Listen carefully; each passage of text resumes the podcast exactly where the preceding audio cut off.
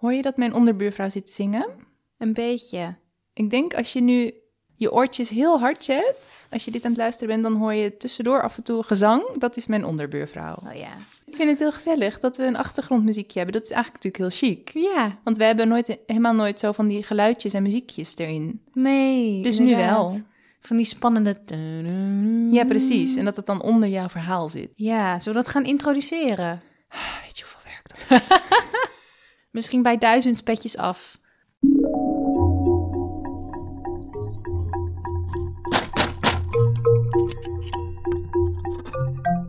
Al sla je me dood. We hadden een bericht gekregen van een rechercheur. Ja. Leuk hè? Die luistert namelijk ook naar onze podcast. En ze zei dat ze in het begin wel even getwijfeld had om verder te luisteren, omdat we altijd erg negatief zijn over de politie. Ja, dat- we waren wel in het begin een beetje. Maar toen heeft ze toch doorgeluisterd. Ja, Ja, ja, wat negatief. ja, ik was dat vooral. Sylvia was altijd eigenlijk al heel lief. Jij zei ook tegen mij, nu moeten we een keer ophouden hoor. dat was heel goed en terecht, want, want de politie doet natuurlijk ook allemaal heel goed werk. Ja. En, en ik ben dan een beetje streng voor ze. Wat, Denk je wat dat- ook wel mag, toch? ja, absoluut. Ja. Ja. Jij bent sowieso heel streng tegenover eh, mensen in machtsposities, wat de politie Klopt. natuurlijk ook is eh, Ja. in bepaalde situaties. Nou, toen ehm, had ze dus toch doorgeluisterd en toen vond ze het heel leuk. Oh, fijn. Dus ik vond dat heel lief dat ze dat even ging zeggen tegen ons. En ze luistert het ook samen met het kind. Die gaat, en die wordt ook een rechercheur, denkt ze zelf. Oh, wat leuk. ja, leuk hè? En ik ben natuurlijk eigenlijk gewoon heel jaloers, want mijn grootste droom is natuurlijk eigenlijk om bij de recherche te werken. Als een soort van hofnar. eh. Ja, of ook wel gewoon dat ik dan allemaal dingen mag uitzoeken. Als een echte detective. Ja. En dan niet alleen maar zo omdat ik een loop heb, maar gewoon echt. ja. En dat Denk je, je... dat ik jou geïnfluenced heb in jouw mening over de politie met al mijn met, jou, verhalen? met jouw vrolijke verhalen over Ja. zwaaiende politiemannen. Ehm, ja, wel een beetje, denk ik. Ja. Maar ik moet zeggen, ik ken ook heel erg leuke wijkagenten. Die ik echt fantastisch vind. En ik vind dus de recherche gewoon heel stoer. Lijkt mij ook. En, eh, maar je hebt me denk ik positief beïnvloed over zeg maar de, de gewone agenten. Oké, Ja, dus dank je wel daarvoor. graag gedaan. Ik weet niet of we het nu goed gemaakt hebben of niet. Ik hoop dat we het goed gemaakt Maar we hadden het dus eigenlijk al goed gemaakt. Oké, Maar nu hebben we het extra goed gemaakt. Ja. Of, of toch niet? ik weet het niet. We zitten wel erg in het midden nu. Ja. Hey, ehm, Ja, wat ga jij me vertellen? jij had een verzoekje over een verhaal over een supermarkt. Ja, heb je iets gevonden? Ja, maar het Oh. is niet het hele verhaal. Oké. Later zat ik nog te denken, dacht als je dat gaat zoeken naar moord supermarkt, dan krijg je natuurlijk allemaal van die Amerikaanse berichten over mensen die een massa-shooting doen in een supermarkt. Het gebeurt daar natuurlijk dat aan de lopende band. Nou, daar... eh Niet lachen om mijn lopende band van, van de kassa. Oh, sorry, het is echt heel laat. Het leek dat ik vooral zelf op mijn eigen Ja, ik vind hem heel grappig. Ja, Ja, wil je hem nog een keer zeggen? Dan, Nee, hoor. eh, Oké. Nee, maar ik heb een heel klein mini-verhaaltje gevonden over de supermarkt. Dus je Ah. krijgt een, een mini als sla je me dood verhaaltje. Oh, en dan nog een grote. En dan nog een grotere. Oh. Zal ik beginnen? Wat leuk, het is twee voor de prijs van één vandaag. Oké. We kunnen onze jingle inzetten ook, eventueel. Twee keer Oké, vandaag. nu komt de jingle nummer één.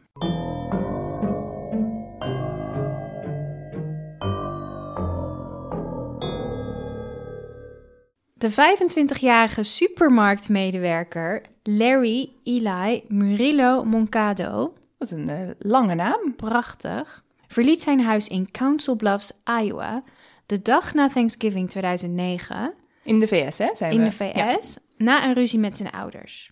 Hij was in de war en aan het hallucineren. Vermoedelijk was dat een ernstige bijwerking van medicatie die hij slikte. Volgens zijn moeder hoorde hij stemmen die zeiden dat hij suiker moest gaan eten. En hij rende dus in een soort van psychose en hallucinatie. Rende hij blootsvoets, zonder jas en zonder spullen, midden in een sneeuwstorm, het huis uit. Oh. En hij liet zijn auto ook achter, hij ging gewoon rennen. En daarna werd hij nooit meer gevonden. Huh? Zijn ouders gaven hem als vermist op. Samen met de politie zochten ze dus naar Larry. Wacht even, hij was dus in de sneeuwstorm weggerend? En dat was het laatste moment dat zijn ouders hem zagen. Oh, wat vaag. Nou, Maar- in eerste instantie gingen ze dus echt zoeken, zeg maar, omdat ze dachten dat hij in een soort van crisis was beland. Dus ze, ze liepen ziekenhuizen af, ze gingen naar gevangenissen, psychiatrische inrichtingen, instellingen. in de hoop en eigenlijk voor in de verwachting dat hij ergens wel zeg maar gevonden was en, en opgenomen was. Maar ze vonden hem gewoon niet. Maar misschien was, was hij ook wel zijn naam vergeten of zo. Dat dachten ze dan misschien. Ja, dat gebeurt Ja. ook wel eens, hè, Ja. inderdaad. Heel af en toe heb je van die zaken van mensen die opduiken... die niet meer weten wie ze zijn. Maar goed, in dit geval, tien lange jaren gingen voorbij. Oh, hij werd echt niet meer gevonden. Nee, tot dat werkmannen in de No Frills supermarkt... Waar hij werkte? in, ja, in Council Bluffs, Iowa... een gruwelijke ontdekking deden. De supermarkt waar Larry dus werkzaam was geweest als vakkenvuller...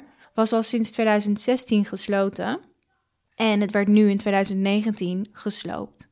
En tussen de muur en een van de vriezers vonden ze het ontbonden lichaam van Larry. Oh nee. Oh, wat erg. Hij was er gewoon tussen gevallen. Ja, het vermoeden was dat hij dus op die vriezer was geklommen. Nou ja, in eerste instantie dat hij naar die supermarkt was gerend op zoek naar suiker. Ja, en hij werkte daar. Dus En hij kon- werkte ja. daar. Mhm. En dat hij toen zeg maar op de vriezer was geklommen. En dat klinkt heel gek, maar schijnbaar was dat iets wat werknemers wel vaker deden buiten werkuren om. Omdat het daar lekker koel was en dan gingen ze daar een biertje op zitten drinken of zo. Oké. Dus- Oh, misschien echt zo'n heel grote vriezer met zo'n deur, weet je Ja, wel? Ja. precies daar. Nou, en dat hij toen dus in zijn soort van, nou ja, staat van zijn, achter de vriezer en de muur was gevallen. En dat was een soort van opening, een gat van ongeveer 48 centimeter breed. Dus hij viel Oh. erin en hij kwam gewoon muurvast te zitten en Oh, kon er niet meer uit. En dan zou je denken dat heeft iemand moeten horen. Ja, want dan ga je toch roepen. Of ja, tenzij die natuurlijk bewusteloos is. Of dat, dat zou eventueel kunnen. Maar er werd ook gezegd dat zo'n vriezer die zoomt natuurlijk. Oh ja. En dat het best wel een grote vriezer was. Met het achtergrondgeluid van een supermarkt had niemand hem gewoon ooit gehoord, mocht hij iets geroepen hadden. Oh, maar dat is heel naar. Dat hij misschien wel gewoon dagenlang heeft geroepen. Nou ja, ja. Oh, ja, dat het is echt heel gruwelijk. Ja. En dan denk je ook, een, een lichaam dat zeg maar in staat van ontbinding is en dat daar tien jaar ligt, Ja, maar was het misschien daar ook heel koud? dat moet stinken, zou je denken. Ja. En schijnbaar stonk het ook verschrikkelijk. En klaagden klanten echt aan de lopende band over de geur bij de vriezer. Maar daar is dus nooit iemand geweest die daar even een kijkje ging nemen achter die vriezer om te kijken of er wat was. Oh, wauw. Oh, ik word echt een beetje misselijk van. Ja, en zijn moeder had schijnbaar tegen de politie gezegd toen haar zoon eindelijk gevonden was, dat ze altijd al het gevoel had gehad dat Larry naar die supermarkt was gegaan en dat hij misschien daar was, dat daar hem iets was overkomen. Ja, maar daar denk je natuurlijk niet aan om achter zo'n vriezer te gaan Nee. kijken. Nee. Ik vind het heel verdrietig. Heel verdrietig. Ja. Maar toch bedankt voor het vinden van een supermarkt. Graag gedaan. Soms denk jij, oh wat grappig, een supermarktverhaal. En dan kom ik met iets Ja. gruwelijks waar je dan nachtenlang wakker van ligt. Ja, ik dacht, want ik weet nog dat ik dit zei omdat we, we zeiden de vorige aflevering dat we even wat luchtigers moesten. Ja, eh, oh En ja. toen had ik de supermarktwensen uitgesproken, want ik dacht, het vast, dan kom je vast met iets geinigs. Kwam jou, Sorry guys. Even, even buiten jouw donkere ziel gerekend. Ja. ben je klaar voor het tweede verhaal? Ja, zal ik weer de jingle doen? Nou, want je had nog een tweede verzoek, hè? Weet je nog? Ja, oh, over dat iemand een andere identiteit had. Ja, iemand die zich anders voordeed. Ja, heb je dat ook gevonden? Ja, maar daar heb ik natuurlijk al heel veel van gedaan.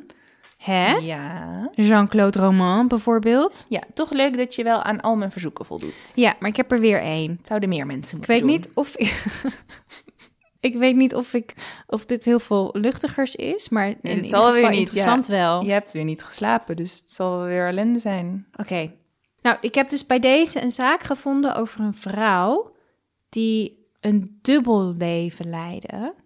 Oké. Dit is het verhaal van Yasuko Watanabe.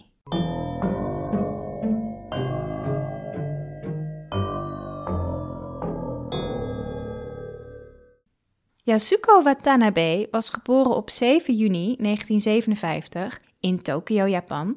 Ze kwam uit een welvarend gezin. Haar vader, Tatsuo Watanabe, was een senior engineer bij de Tokyo Electric Power Company, ook wel TEPCO genoemd. En zijn werk was echt heel erg belangrijk voor hem. Hij was een gerespecteerde werknemer en stond op het punt om een promotie te krijgen toen hij kanker kreeg en overleed. Oh, zielig. En ja, dat, Hoe oud was eh, onze hoofdpersoon? Hoe zij ze? studeerde nog, Yasuko studeerde nog. En Yasuko voelde na de dood van haar vader een grote verantwoordelijkheid om voor haar moeder en jongere zusje te zorgen, zowel zeg maar emotioneel als financieel. Yasuko was heel erg slim en ze studeerde economie aan de soort van elitaire Keio-universiteit in Tokio. En direct na haar afstuderen kon ze meteen in haar vaders voetsporen treden. Ze kreeg een baan bij TEPCO in de Research and Planning afdeling. Oké. Ook Yasuko werd daar gewaardeerd. Ze leverde goed werk, had een goede opleiding en samen met de smetteloze reputatie van haar vader, die natuurlijk ook op haar, zeg maar, In, in hetzelfde bedrijf werkte. ja, zorgde dat ervoor dat ook zij promotie maakte.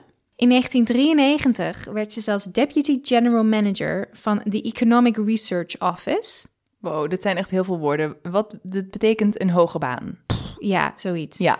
En ze verdiende zelfs zo'n 100.000 dollar per jaar. Oh, dat is erg veel geld. Ja, daar kan je inderdaad je moeder en je kleine zusje mee ehm, steunen. dat moet wel lukken, denk ik. Ja, Ja, behalve als je bijvoorbeeld de hele tijd met een raket even voor zeven minuten in de ruimte wil zijn. Dan, eh, dan, heb je, dan is het geld zo op. In een piemelraket. Maar met deze baan kwam ook heel veel stress. De gelijkheid tussen mannen en vrouwen was ver te zoeken in het bedrijf. Yasuko was maar een van de negen vrouwen die dat jaar, toen zij begon, aangenomen waren. Oh, en het klinkt als een heel groot bedrijf. Ja, inderdaad, het is weinig. En ondanks dat de mannen gewoon een business casual dresscode hadden, die mochten zelf kiezen wat ze aandeden elke dag, werd er van alle vrouwen die werkten bij TEPCO verwacht dat ze een uniform droegen. Dat is heel raar. Super raar. En ook werd er van haar verwacht dat ze thee zette voor al haar mannelijke collega's, Jezus. ongeacht of ze hogere of lagere posities in het bedrijf hadden dan zij. Dus het is onmogelijk om een vrouw in dienst te hebben die niet een soort theejuf is. Ja, maar moet je je voorstellen, dan zeg maar ben je Deputy General Manager van de Economic Ja. Research Department en dan moet je voor jouw research assistant een kopje thee gaan maken omdat hij een ander man geslacht is. heeft. Ja. Zo bizar. Echt belachelijk. Ik hoorde trouwens, heel even tussendoor, Ja. dat in het Oekraïense, geloof ik, leger, dat op een gegeven moment vrouwen verplicht hakken moesten dragen. In het leger. Jeetje, dan kun je toch niet wegrennen voor bommen en zo? Nee. Nou goed, in ieder Eh, geval, precies, deze rare ehm, genderongelijkheid scheen in Japan gewoon gebruikelijk te zijn en nog steeds eh, wel. Ze had niet veel vrienden op het werk ook, Yasuko. En zoals gebruikelijk is in de Japanse werkcultuur, ging zij niet na het werk met haar baas uit eten of drinken. Dus Wat de, de rest gewoon- wel deed. Ja, het is normaal dat je zeg maar, eh, nou ik weet niet of het elke avond is, maar dat je misschien op vrijdagmiddag of vrijdagavond met je baas naar de kroeg gaat. En dat deed zij niet. Omdat ze, mocht ze ook niet mee omdat ze een vrouw was misschien. Ik denk dat ze dat gewoon niet, ze niet zo'n persoon was. Was Oh, gewoon ja. niet zo persoonlijk misschien. Of, eh, ja. Oh ja, we hadden het net al een beetje gehad over seksisme op de werkvloer. En in Japan was dat zeg maar in de jaren 90 op een hoogtepunt. Vrouwen die op kantoren werkten, die werden echt gewoon office ladies genoemd. En dat was een heel soort van... ehm, office ladies was gewoon een term. Die stond voor vaak single, hoogopgeleide vrouwen die op een kantoor werkten. En daar mochten ze eigenlijk vooral administratieve taken uitvoeren. Met weinig tot geen mogelijkheden tot zeg maar werkprogressie. Dus er was geen carrière ladder om op te klimmen. Wat echt zo belachelijk. Ja, en het wordt ook echt, zeg maar, echt het office lady eh, syndroom wordt ook echt in de literatuur en op Oh, tv en ehm, in an- anime en zo wordt dat ook echt, zeg maar, uitgebeeld. Oh, oké. Een echte doorn in het oog voor Yasuko kwam toen haar werkgever haar als het ware uitleende aan een soort overheids-think tank. En ondanks dat ze daar ook geprezen werd voor haar intelligentie en haar werk, zag ze het als een soort van demotie. Want ze had een andere rol bij het buitenlandse ministerie gewild. En de werkstress viel Yasuko op deze manier steeds zwaarder. Ze begon gewoon verdrietiger en verdrietiger te worden. Ze at weinig en ze was zelfs een tijdje opgenomen geweest in het ziekenhuis vanwege anorexia. Oh, zielig. Het was ook in deze periode dat Yasuko naast haar kantoorbaan bij TEPCO begon te werken als hostess in een nachtclub. In deze nachtclubs betalen mannen heel veel geld om te flirten en te drinken met mooie serveersters die dan prachtige jurken dragen en heel mooi opgetut zijn. En uiteindelijk viel ze van dat hostesswerk in de prostitutie. Ah, oké. Dus eh, naast haar soort best wel chique baan van 100.000 dollar, het is wel even iets heel anders. Ja, elke avond als haar kantoorwerk erop zat, veranderde Yasuko van kleding, deed ze make-up op en nam ze de metro naar Tokio's Shibuya-wijk. En dat is de rosse buurt van Tokio. Eerst werkte ze daar een tijdje voor een escort agency, waar ze 250 dollar per klant kreeg. En waarvan Oh. 100 dollar naar de agency ging. Dus ze hield dan 150 dollar over. Oké, is niet dat, een, voor een avond niet. Voor één klant. Maar goed, ze deed het dus ook niet voor het geld. Nee, kan je wel vaststellen. Een schrijver genaamd Shinichi Sano, die had een boek over deze zaak geschreven. Maar volgens deze schrijver, die met een van haar klanten had gepraat, vertelde Yasuko haar klant vaak over, zeg maar, gaf ze hem een hele les in de toestand van de Japanse energievoorraad en de economie en zo. En ze dronk drie blikjes bier voordat ze uiteindelijk, zeg maar, de daad deed. Huh. En deze man had ze verteld dat ze de prostitutie in was gegaan nadat ze gedumpt was door een getrouwde collega waar ze jarenlang een affaire mee had gehad. Oh ja. Dus het was uit een soort van liefdesverdriet. Huh. En dus interessant dat ze dan iedereen een soort de les ging lezen even. Dat Ja, lijkt dan ook een beetje haar doel. Dat ze gewoon even met wat mannen wil praten en zeggen... je moet even de, de TL-lampen uitdoen als je weggaat. of zo. ik weet het niet. Ik denk dat ze gewoon ehm, toch, eh, nou, ik denk dat ze gewoon best wel gepassioneerd was over haar werk bij Tapco, maar dat ze daar gewoon muurvast zat. Ja, en daar niet echt de waardering kreeg. Ook al werd ze wel gewaardeerd, maar tegelijkertijd moest ze dus thee zetten. Ja, heel Dus kan- frustrerend is dat. Ja, dus ik kan me voorstellen dat ze even wat andere vormen van contact zoekt. Ja. Nou, toen Yasuko 32 werd, werd ze te oud voor de meeste klanten en ging haar prijs Wat? omlaag. Ook al zoiets belachelijks. Ja. En daarna droop ze af naar de straatprostitutie, waar ze voor zelfs maar 20 dollar per Oh. klant haar services aanbood. Ze had voor zichzelf een quota verzonnen van vier klanten per avond, elke dag van de week. En ze hield in een boekje nauwkeurig bij met hoeveel mannen ze naar bed was geweest. Dit doe ik ook. maar ik haal er niet vier per avond hoor. Yasuko woonde nog thuis bij haar moeder, dus de mannen die ze op straat vond, die nam ze mee naar een klein appartementje dat ze huurde van het geld dat ze verdiende met haar bijbaantje in de prostitutie. Wow, dus wel echt veel dingen hier aan zijn onbegrijpelijk. Ja, Want ze had dus een appartementje gehuurd, maar toch woonde ze bij de moeder. Maar misschien omdat ze voor die moeder wilde zorgen, omdat die vader dood was. ja en dat is ook natuurlijk een beetje de, cultuur, hè, dat Mm. ongetrouwde vrouwen Ja. bij hun familie blijven wonen. Nou, zo ook op de avond van 8 maart 1997. Buren zagen haar om half twaalf 's avonds met een Zuidoost-Aziatische man van ongeveer in de 30 in het trappenhuis van een appartementencomplex in de Rossenbuurt. Dus in haar appartement wat ze gehuurd had. Ja, precies, dat was haar appartement. De buren hoorden geluiden uit het appartement komen, zoals wel vaker. Maar rond middernacht stopte het en werd het stil. De volgende dag, toen ze niet thuis kwam, gaf haar moeder haar als vermist op bij de politie. De zoektocht naar Yasuko duurde tien dagen, maar op 19 maart werd haar naakte, levenloze lichaam gevonden in het appartement. Oh, want die moeder wist natuurlijk van niks. Nee. Die wist ook helemaal niet van het appartement. Nope. Ze was gewurgd. Oh, kut. Toen de politie haar vond, had ze 28 condooms in haar tas, vier voor elke avond van de week. En in haar boekje stonden de namen van 88 mannen met wie ze naar bed was geweest, met echt de data, de tijdstippen en de prijzen. Dus ze was nog maar een paar weken dit aan doen. Nou, misschien was het een nieuw boekje. Oh ja. Of ze had natuurlijk ook veel vaste klanten. Oh, en dan die, schreef ze die naam niet opnieuw op. Ja, of dezelfde namen kwamen elke keer opnieuw voor. Oh, ja, ja, ja. ja. Oké, maar naar... Nou ja, via dat boekje kwam de politie dus al snel op het spoor van een van Yasuko's klanten. Oh ja, dat is eigenlijk wel heel slim. Dat ze dat bijgehouden heeft, dat de politie dat dan nu kan gebruiken. Ja, en dit was de Nepalese Govinda Prasad Manali. De 39-jarige Govinda was een illegale immigrant die naar Japan was gekomen op een drie maanden toeristenvisum. En zijn doel was om Japans te leren, zodat hij in Nepal als een tourguide voor Japanse toeristen aan de slag kon. Dat is een hele mooie baan. Maar hij was langer gebleven om extra geld te verdienen dat hij naar zijn vrouw en twee dochters stuurde. Govinda werkte in een Indiaas restaurant en woonde in een appartement met vier andere Nepalese mannen, ook allemaal illegale immigranten, in de straat waar Yasuko heel vaak werkte. En hij was dus ook een klant van haar. Ja, direct naast zijn appartement was het appartement van Yasuko, Oh, waar haar lichaam was gevonden. dus hij had misschien wel iets eh, meegekregen. Ja, nou, de politie ging natuurlijk meteen op zoek naar die vier Nepalese mannen die naast haar woonden. En Govinda was dus een van Yasuko's klanten geweest. En naast het feit dat hij dus direct naast het appartement waar Yasuko's lichaam gevonden was woonde, vond de politie in dat appartement van Yasuko ook een condoom met zijn sperma en een van zijn schaamharen. Oké, maar ja, hij was ook een vaste klant. Dus al- als zij niet elke avond opruimt, dan Ja, zegt het niet goed- heel veel. heel goed punt. De Japanse politie echter die duidde Govinda al heel snel aan als hoofdverdachte. En toen Govinda hoorde dat Yasuko vermoord was en dat hij verdacht werd, meldde hij zich eigenlijk direct bij de politie. Ah, Ondanks dat hij dus riskeerde dat hij uitgezet zou worden.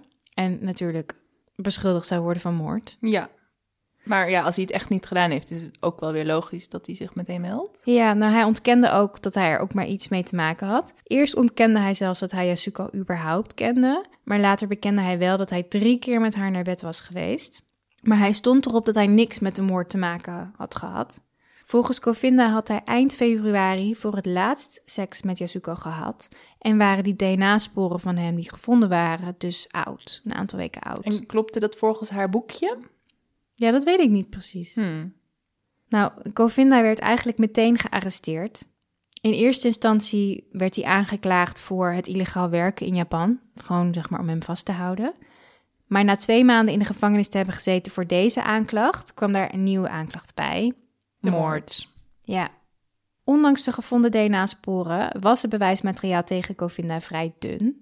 Er kon bijvoorbeeld niet geconstateerd worden wanneer zijn sperma en zijn gevonden schaamhaar was achtergelaten in het appartement. Dus daardoor kon ook niet met zekerheid worden vastgesteld dat het op 8 maart was, de avond dat ehm, Yasuko was vermoord.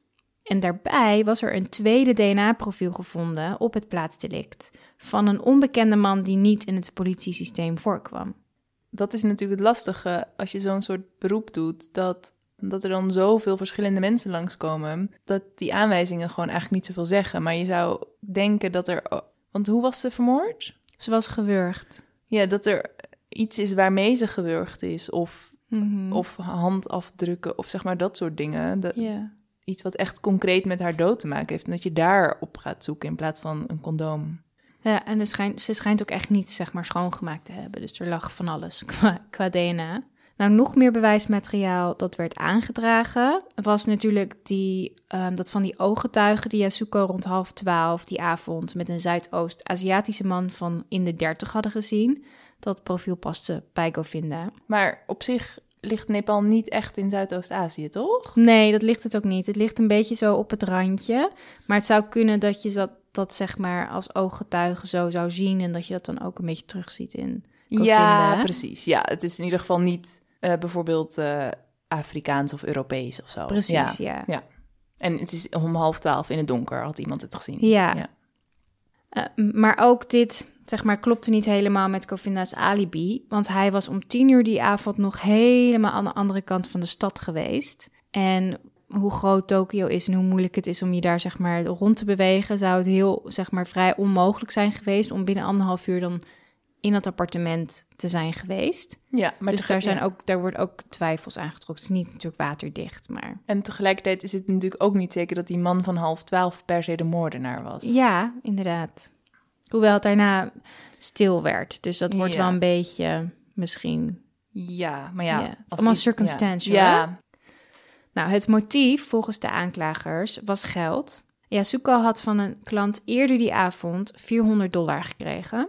En dat geld werd niet teruggevonden in het appartement of op haar lichaam of in haar portemonnee. En dat stond in haar boekje. Ja, en dat was ook bevestigd door de klant. En Govinda had volgens zijn kennis een schuld van 1500 dollar openstaan bij hem. En dat was 400 dollar meer geweest dan dat hij had. Oh ja, het is precies 400 dollar. Mm. En een dag nadat Yasuko vermoord was, kon hij ineens het hele bedrag betalen. Oh ja, oké, dat is dan wel... Voor het, het eerste ding waarvan ik denk dat is echt een beetje verdacht. Ja, maar deze kennis, die dit zeg maar vertelde, die werd al supersnel na het verhoor door de politie gedeporteerd terug naar Nepal. Want dat was een van die Nepalese vrienden. Ja.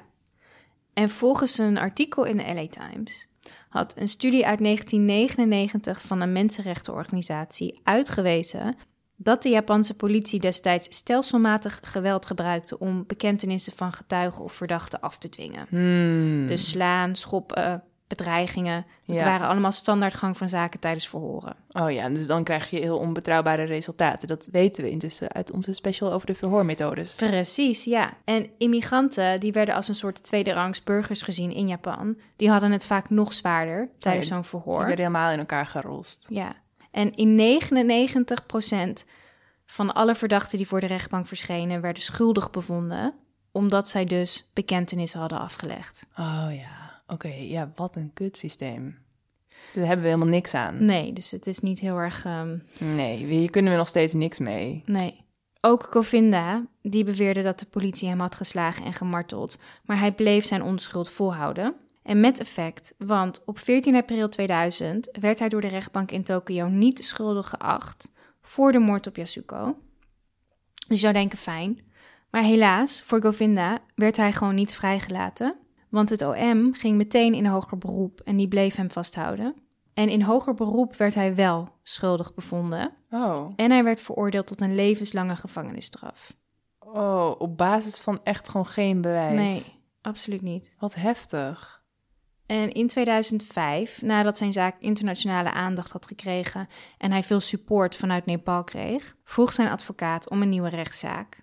Er zou namelijk bewijsmateriaal zijn dat de Japanse politie en het OM bewust had verzwegen Oh. tegenover Govinda en de verdediger. Er was namelijk nog meer DNA gevonden.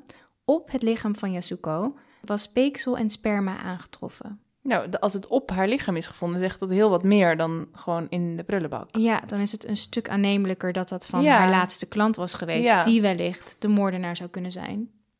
Het duurde echter nog zes jaar voordat Govinda zijn herkansing kreeg. In 2011 gaf de hogere rechtbank in Tokio eindelijk goedkeuring voor het testen van dit DNA. En het bleek geen match te zijn met Govinda. Wauw. Het was een match met dat andere profiel wat al eerder aangetroffen was. Oh. In juni 2015 werd hij eindelijk vrijgesproken en kon Oh. hij terugkeren naar zijn vrouw en dochters in Nepal. Hoe lang was hij eh, vastgezeten? En meer dan 15 jaar. Wow. Hij kreeg nog een kleine schadevergoeding mee van zo'n eh, 68.000 dollar. Wat? Dat is echt niks. Nee, het is een bedrag wat in Nepal natuurlijk je wel goed op weg kan helpen. Maar, Ja, maar dat slaat nergens op. nee, het was ook echt geen troost voor Govinda. Nee. Hij vertelde tegen de BBC dat hij echt woedend was over de manier waarop hij behandeld was en hoe zijn rechten hem waren ontnomen. Ja, echt zo erg. Hij zei: Ik heb 15 marteljaren ondergaan, ondanks dat ik onschuldig was. Ik ben de beste jaren van mijn leven kwijt en ik zal het de klootzakken die mij dit hebben aangedaan nooit vergeven. Maar wie heeft Yasuko dan vermoord? Ja, wie heeft het wel gedaan? Ook hier zijn geen antwoorden op. Ja, kut. Ondanks dat er dus gewoon een DNA-profiel is van de dader, heeft dat tot op heden geen match opgeleverd. Nee, ja, en het is natuurlijk ook als je zeg maar twintig jaar later of wat is het nog een keer ermee komt, dan wordt het ook echt natuurlijk veel lastiger om dat nog te vinden. Ja, en sterker nog, ik kon ook niks vinden over of de Japanse politie überhaupt nog deze zaak open had en nog op zoek was naar ja, en nog iets aan het doen was. Ja. Ja. Maar de zaak bracht in Japan best wel veel teweeg. Want de media schilderden Yasuko in eerste instantie best wel slecht af. Oh jezus, ook dat nog natuurlijk. Omdat ze prostituee is, dan is zij een, een soort slechte vrouw. Ja, en het werd een soort van sensatie dat deze office lady dan zo'n tweede leven leidde Oh als prostituee. Ja. En natuurlijk haar beweegredenen die eh, misschien onbegrijpelijk zijn, werden helemaal tegen het licht gehouden. Maar veel Japanse vrouwen, die voelden zich juist heel erg verwant met haar. En die hadden heel veel sympathie voor haar. En in die rosse buurt van Tokio was zelfs een klein standbeeld voor haar opgericht. Oh. Van een vrouw met rode lippenstift. En ehm, nog steeds komen vrouwen daar af en toe bloemen voor haar neerleggen. Oh, wauw. Het fenomeen van vrouwen die naast hun kantoorbanen een geheim leven leiden als hostess of als prostituee werd het Yasuko-syndroom genoemd. En ja, single werkende vrouwen in Japan die hadden het gewoon moeilijk omdat ze tussen twee levensstijlen vielen. Op de werkvloer werden ze ondergewaardeerd, onderbetaald en was er gewoon geen carrière ladder voor ze om te beklimmen. En er werd ook van vrouwen verwacht dat ze voor hun dertigste zouden trouwen, kinderen krijgen en dan voor het huishouden zouden zorgen, dus niet meer zouden werken. Maar ook in deze traditionele wereld hoorde dan een vrouw zoals Yasuko, die dus boven de dertig was, single, in een kantoorbaan zat, gewoon niet tussen. En het bleek dat meerdere vrouwen dezelfde soort van uitlaatklep vonden die Yasuko ook had in het, dubbele leven dat ze eigenlijk leidde. nou, dat begrijp ik eigenlijk best wel goed. Het is allemaal, is het dus te herleiden naar een soort seksistisch systeem waar die hele maatschappij dan in zit. En intussen wordt het hele probleem neergelegd bij alleen die vrouwen. ja. Zeg maar, en zij worden dan vervolgens uitgelachen als ze vermoord worden. Zo stom. Echt, Mm. waarom is dit eigenlijk? Dat dan toch voornamelijk mannen zo kunnen bepalen hoe zo'n maatschappij in elkaar zit. En waarom laten we dat eigenlijk toe? Ik ben er echt een beetje boos van, sorry Ja. hoor. ja, en ik kan me ergens ook voorstellen, want ik zat me dan me in te leven in Yasuko en ik dacht, ik kan me ook voorstellen dat ze uit een soort van frustratie, maar ook dat ze een soort van machtsgevoel kreeg door dat werk als Ja. prostituee. Dat zij meer in controle, Ja. zij meer controle had over mannen op die manier. Ja, op een bepaalde manier. Ja. Dus dat dat voor haar, als ze op de werkvloer zo gekleineerd werd, ondanks dat ze eigenlijk gewoon een ontzettend goede en slimme werknemer was, dat ze daar dan een soort van uitlaatklep had voor haar frustraties. Maar dat kan ik me wel voorstellen. En dat, er, dat het gewoon natuurlijk iets spannends is. En, Ja, dat kan ook Ja. natuurlijk, ja. maar goed, ja, we weten Er is het natuurlijk niet. helemaal niks mis met haar keuzes en met haar... Nee, sowieso met, niet. Met dat werk. Nee, maar het is vooral de vraag waarom iemand zeg maar, met al een baan van 40 uur per week nog een keer zoveel gaat werken, zeg maar. Ja, Nee, en we hebben geen antwoord. nee. Maar goed dat ze een standbeeld hebben gemaakt. Ja. Het was niet luchtig, sorry. Nee, ik was er al bang voor. Aangezien we het toch niet luchtig hebben gehouden, zal ik dan ook maar wat ehm, eh, vreselijk serieuze tips gaan geven? Yes. Oké. De grote wat moet je doen als je bijna vermoord wordt tip. Kaboing. We hebben tegenwoordig een ehm, huisverpleegkundige. Oeh. Je had na de vorige keer toen ik de huisfilosoof had geïntroduceerd, zei jij dat we geen nieuwe huismensen meer mochten, maar ik heb dat toch gedaan. Ik vind het prima. Oké, Nou. Ik kom op terug op mijn... eh, Oké, heel goed. Ja, nou, onze huisverpleegkundige, Yvonne, die heeft mij uitgelegd wat je moet doen als je gewond geraakt bent omdat je aangevallen bent en bijvoorbeeld neergestoken of een kogel in je lichaam hebt. Oh, dat is handige informatie. Dus dat ga ik jou even vertellen wat je dan moet doen. Het allerbelangrijkste is het bloeden stelpen. Dat is eigenlijk wat je moet doen naast dat je natuurlijk hulp moet zoeken en 112 moet bellen en zo snel mogelijk in het ziekenhuis moet zien te belanden. Ja. Dat is denk ik ook wel je instinct, zeg maar, om Mhm. 112 te gaan bellen of, of hulp te gaan roepen of zo. Maar dat bloeden stelpen, dat vergeten mensen nog wel eens. En je moet ook heel hard duwen erop, Ja, toch? Klopt. En dat is gewoon het belangrijkste, want als je leeg bloedt, ja, dan, dan ga je gewoon daaraan dood.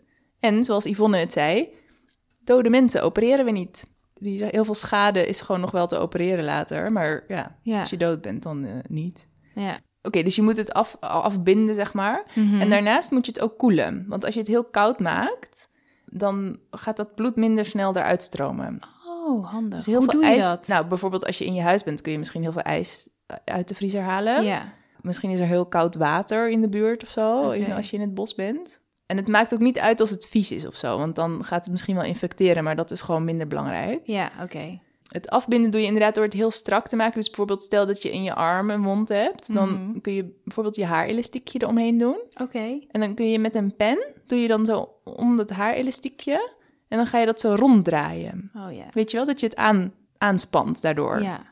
Dat kun je doen, dat heet eigenlijk een tourniquet. Oh, ja. Maar dat kun je dan dus gewoon met een haarelastiekje doen. Of dus met stof, of bijvoorbeeld gewoon met je shirt het heel strak afbinden of zo. Mhm.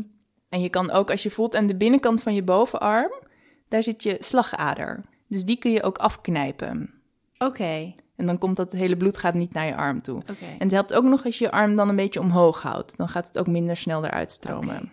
En in je been, waar zit Ja, je voor je been geldt een beetje hetzelfde. Er zit de slagader ook aan de binnenkant van Oh, je ja. been. Je kan dat ook zo voelen. Ja. Maar bij je been is een wat grotere slagader, dus die is ook lastiger om met één hand dan echt dicht te knijpen. Ja. Dus heb je echt een stukje stof voor nodig dan? Om... Liever wel. Ja. Oké. En En als je, je echt... gewoon je t-shirt af scheuren of... eh. Ja, want dat zei ze ook nog, beter naakt dan dood. Ja, hé, hey, dat is een goeie. En als je het echt super strak hebt afgekneld, dan als, je dat, als dat heel lang is, dan op een gegeven moment verlies je wel ook echt je arm. Mhm. Dus je kan dan ook nog doen dat je eh, tussendoor heel eventjes het bloed er weer wel doorlaat. Ja, En voor even voor een paar seconden en dan weer terug afknellen. oké. Als je bijvoorbeeld in je buik geraakt bent, daarover zei ze, je moet gewoon proppen. Dus alles wat je kan vinden erin proppen. Dat herken ik uit um, oorlogfilms. Oh ja? Ja, dan worden ze ook altijd in hun buik geraakt en dan proppen ze er allemaal Ja. Gewoon en, helemaal eh, vol proppen. Oké. En als, je, als er dus bijvoorbeeld een mes of een kogel ergens in je lichaam zit, nooit eruit halen. Heel goed. Want je instinct is natuurlijk om dat mes eruit te trekken, bijvoorbeeld. Maar dat moet je dus echt niet doen. Want ten eerste kun je dan natuurlijk nog iets anders raken door je Mhm. beweging. Maar vooral is het zo dat het wel eens zou kunnen dat die. Dat omdat dat mes daar zit, dat dat een bloeding zeg maar blokkeert. Ja, ja, Dus zodra je dat mes eruit trekt, dan komt ook al dat bloed eruit. ja. En dan gaan we weer terug naar de hoofdregel. Alle bloedingen stelpen. Wauw. Wat een goede informatie. Ja, hè? Dit is echt heel handig. Ja, oh, en nog één ander ding wat ze zei, wat ik ook echt niet wist. Nooit eten of drinken. Oh. Nou, volgens mij heb je daar ook niet zo heel veel zin in dan, maar... Nou, als je heel veel bloed verliest, dan krijg je ook erg dorst. Oh. Dus dan wil je dat heel graag doen. Maar als je, zodra je dat gaat doen, dan gaat je maag werken. En dan gaat er allemaal bloed naar je maag. Om, zeg maar, dat is gewoon hoe je lichaam werkt. Terwijl je hebt dat bloed nodig op andere plekken. Wauw, oké. Dat is echt een goeie ook, hè? Heel handig, zo'n huisverpleegkundige. Dankjewel, Yvonne. Ja, precies. Even samenvattend. Kogels en messen laten zitten. Niet eten en drinken. En proppen. Of afknijpen. Proppen of afknijpen. En koelen. Handig. Nou, ik dacht wel... Oh, dit zijn gewoon wel echt heel goede tips. Stel dat er echt een keer iets gebeurt. Ook natuurlijk bijvoorbeeld misschien niet zo spannend als dat er een moordenaar was. Maar gewoon dat je heel erg gevallen bent of zo. Ja, Dan tuurlijk. heb je echt iets aan deze tips. Heel erg. Nou, dankjewel, Yvonne. Ja, dankjewel. En dankjewel, Annelies, voor het uitzoeken daarvan. en dankjewel Sylvia voor het verhaal van vandaag. Ja. En dankjewel aan alle leuke nieuwe detectives. We gaan ze weer even opnoemen. Lieke, Moon, Annelisa, Anne Fleur, Elisa, Aukje, Tom, Anne. Anne. Nog een Anne. We hadden ook al Anne Fleur en Annelisa. Ja, Wat ook geweldig. op mijn naam lijkt, Annelisa. Vond Ja. ik ook leuk. Ja. Lois, Janneke, Elise, Lucas. Tide Jan. Dank jullie wel. Ja, welkom, welkom, welkom. We sturen de welkomstpost naar jullie op. Je moet wel even je adres gezegd hebben tegen ons. Ja, mail ons even je adres als je dat vergeten bent. En ehm, verder, nou, ga, geniet van alle bonusafleveringen daar. En er komt eh, binnenkort een special. Over liegen. Ja, Daar weet ik intussen ook al heel veel van. En ik krijg weer een lesje van Annelies. ja, je gaat ook tips krijgen hoe je goed kan liegen. Oh, dat heb ik nodig. Spannend, hè? Wow. En, en we zijn ook bezig met, ehm, met de Q&A-sessie. Waarin Ja. we allerlei superleuke vragen die we gekregen hebben gaan beantwoorden. Ja, dus ben je nog geen detective? Ga even kijken op onze Petje Af pagina. petje.af slash als me dood. Ja, tot daar. Leuk. Oh, en je kan ons ook nog volgen op Instagram. En Facebook? En eh, gewoon in de, op het internet. Ja. Het ook even tegen al je vrienden en familie zeggen. Ja, dat is eh, ook echt leuk. Geef ons shout-outs op social media, vinden we altijd leuk. Stuur ons je enge luister, je enge Oh ja. verhalen. Ja, dat willen we ook weer even horen. Wat je hebt meegemaakt, wat heel eng is. En je mag ook gewoon even hoi zeggen als je wil. Ja, zeggen wij hoi terug. Ja. Ja. Doei! Doei!